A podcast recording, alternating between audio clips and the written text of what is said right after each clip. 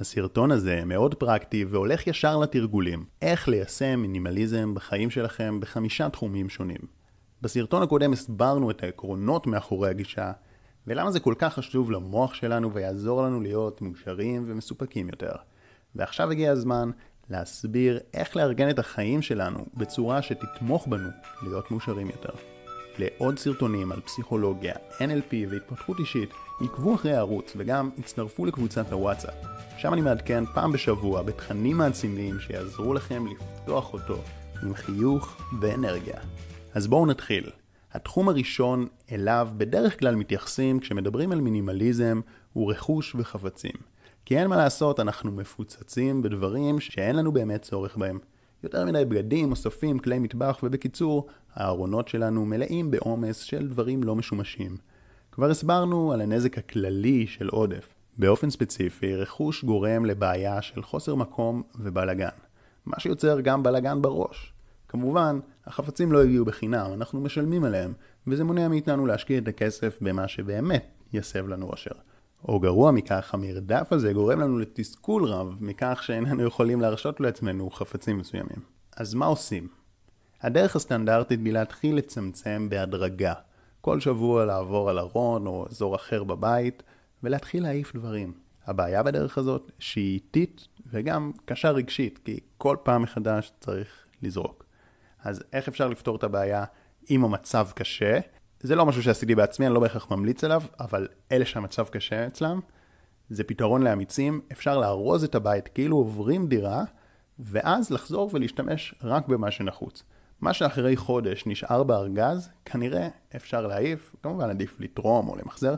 עכשיו זאת שיטה הרבה יותר מהירה, וגם קלה יותר רגשית, כי אנחנו מעיפים את הדברים רק אחרי שלא השתמשנו בהם חודש. כמובן, לא פחות חשוב זה גם להפסיק לקנות חפצים לא נחוצים חדשים. ממש לשאול את עצמנו לפני כל קנייה, האם זה נחוץ לי? האם אשתמש בזה? זה ישנה משהו בחיים שלי? רוב הדברים הם מיותרים, וככה גם מתפנה לנו כסף, ובפעמים המועטות שכן צריך לבצע רכישה, אנחנו יכולים להרשות לעצמנו לקנות את המוצר האיכותי שבאמת יועיל לנו. טיפ זהב במידה ואתם מכורים לשופינג, שווה לבחון ייעוץ מקצועי, מפגש או שניים מסדרים את העניין. אותו הטיפ נכון לכל אחד מחמשת התחומים שנדבר עליהם. תחום מספר 2, מינימליזם של חוויות. התחלנו עם התחום המובן מאליו, עכשיו אני אתייחס למשהו שפחות מדברים עליו, ולדעתי הוא הרבה יותר מהותי, וזה הצורך שלנו לחוות יותר ויותר. מחקרים הרי הראו שבטווח הארוך חוויות מספקות יותר אושר מאשר רכוש. וזה נכון. לכן, לרוב דווקא מעודדים אותנו כן לחוות כמה שיותר. רק שימו לב שכמו בכל דבר יש חשיבות לאיכות החוויה, וגם בתחום הזה אפשרי לצרוך ג'אנק או לסבול מהשמנת יתר. הכוונה היא שאם אנחנו מנסים להיות בכל האירועים, כל המסיבות, כל הטיולים והמקומות היפים, אם אנחנו רוצים לצפות בכל הסדרות והסרטים, אם אנחנו רוצים לטעום את כל המאכלים ולשמוע את כל המוזיקה, למעשה אנחנו לא חווים כלום. אמנם, כל חוויה בפני עצמה יכולה להיות נפלאה, אבל כשאנחנו מנסים להספיק הכל, על כך נאמר, תפסת מרובה, לא תפסת. איך מיישמים בפועל? כאן המשימה תהיה קשה יותר מלפנות חפצים בבית, וכל אחד צריך למצוא את הדרך שלו כדי להיות מינימליסט בחוויות. השלב הראשון הוא להחליט מה הכי משמעותי עבורנו ומה רצוי לצמצם. לדוגמה, עבור רוב האנשים, טלוויזיה לא תהיה בראש הרשימה. לכן על אף שהיא מרגיעה ומעניינת, עדיף לצמצם אותה כי היא באה על חשבון חוויות שוות יותר. בהמשך לאותה דוגמה, עבור אנשים רבים טבע וטיולים זה דבר מהותי. אבל גם אם החלטנו לצאת לטיול, יש לתכנן אותו בצורה שבאמת נוכל לחוות את הטבע, ולא באופן שרק נסמן וי על כמה שיותר אתרים. טיפ זהב, תרגול מדיטציה מאוד מועיל, כי הוא מלמד אותנו להיות בכאן ועכשיו, בכל חוויה אשר תבוא, ואני שם עכשיו על המסך כמה מדיטציות מאוד מאוד טובות לתרגול. תחום שלישי, מינימליזם בצריכת ידע. תחום נוסף שבו אנו סובלים מהשמנת יתר רצינית ממידע. בחלק ה junky יותר של המידע נמצאים אתרי חדשות שמציפים אותנו באין ספור עדכונים דרמטיים, הפיד של הפייסבוק והגדול מכולם, ה stories, שמפציר בנו לצפות מהר לפני שיעלם לנצח. עכשיו, אם ממשיכים עם ההשוואה לאוכל, בעוד שברור שג'אנק זה מזיק, אנחנו יודעים שגם אוכל בריא בכמויות גדולות יכול להשמין, ואותו דבר נכון למידע.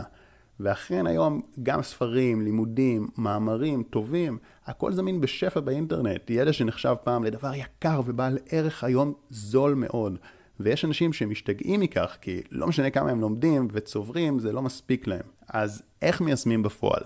גם כאן יש לעשות סדר עדיפויות, להבין שברוב המקרים עוד מידע לא ישנה משהו בחיים שלנו, ואם נתנתק ליום מהאינטרנט, לא יקרה כלום. בכך, באופן שיטתי, אפשר להפחית חשיפה למידע לא רלוונטי. זה יאפשר לנו להתמקד במה שכן מועיל לנו. לי לדוגמה אמרו שאני כותב ארוך, שהיום כותבים עד 500 מילים. אמרו לי שבזמן שאני כותב מאמר אחד הייתי יכול לכתוב 10, וזה נכון, אבל התעקשתי ללכת על איכות ולא לזרום עם העדר על כמות רדודה. זה השתלם. המאמרים הצליחו, כי היום אנשים כבר מתחילים להבין שהכמות לא מספקת, ורק האיכות של התוכן חשובה. עכשיו, יכול להיות שאתם גם חושבים, לכתוב מאמר ארוך על מינימליזם זה לא מינימליסטי. טעות. מינימליזם אומר לוותר על מה שלא מהותי, ואז מתאפשרת לנו אנרגיה להשקיע באיכות. אז אני לא כותב עשרה מאמרים שטחיים עם סיסמאות, אלא אחד איכותי שבאמת מביא תועלת לאנשים. ככה אנחנו צריכים לחשוב בצריכת הידע. לסנן, לסנן, לסנן, וכשמוצאים משהו טוב, להתמקד בו. תחום רביעי, מינימליזם במערכות יחסים. באותו אופן, בעולם של היום, קל מאוד ליצור מערכת יחסים ולהכיר אנשים רבים. הרשתות החברתיות, המגורים בערים צפופות והניידות הטובה שיש לנו הן יתרון עצום, אך בשימוש לא נכון, הן יכולות בקלות להפיל אותנו למערכות יחסים ג'אנקיות במרכאות, שגוזלות לנו אנרגיה וזמן מלהשקיע במערכות יחסים משמעותיות. כך אנשים מסוימים מרגישים בודדים על אף שהם מוקפים בחברים.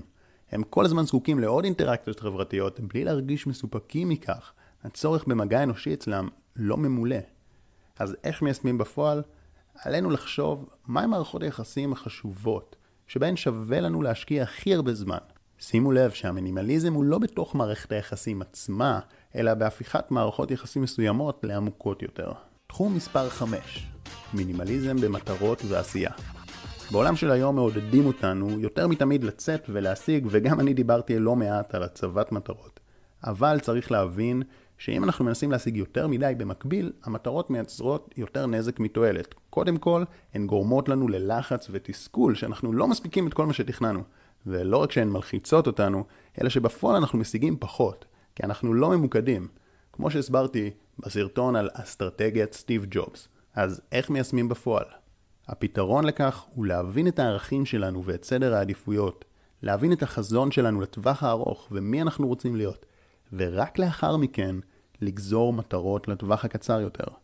לאחר שהצבנו מטרות, להיצמד אליהן ולהתמקד בהן, כאשר גם אם עולות בפנינו הזדמנויות מדליקות, לא לקפוץ עליהן בקלות ראש, כי כמו שאמר סטיב ג'ובס, להחליט מה לא לעשות, חשוב באותה מידה כמו להחליט מה כן לעשות.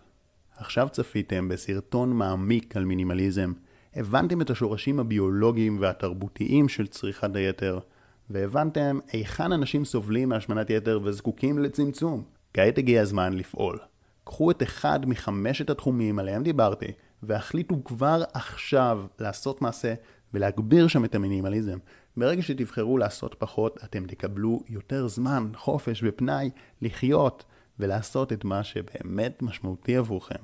בנוסף, ברגע שהבנתם שכדאי לצמצם מידע ג'אנקי ולהתמקד במידע שבאמת מועיל עבורכם, אני ממליץ לכם להמשיך לקרוא עוד מאמרים ולצפות בעוד סרטונים ביוטיוב כאן. אני משקיע בכולם זמן רב כדי לדייק אותם, שבאמת יהיו בעלי ערך עבורכם. למרות שאני מכיר גם את האסטרטגיות של איך ליצור תוכן פופולרי יותר, שיכול להביא יותר כמויות של צפיות, ועשיתי את זה גם במקומות אחרים, ביוטיוב הזה אני בוחר לצמצם בכמות ולהשקיע באיכות. אני שואף להעניק מקסימום ערך, ואני שם לב גם שזה גורם לסרטונים להישאר במשך הרבה יותר זמן ולקבל צפיות במשך שנים. אז תעשו עוקב ליוטיוב, תשימו את האתר במועדפים שלכם, תצטרפו לקבוצת הוואטסאפ ותמשיכו להזין את עצמכם בדברים שטובים למוח שלכם. מאחל לכם חיים מלאים באושר וסיפוק. שחר כהן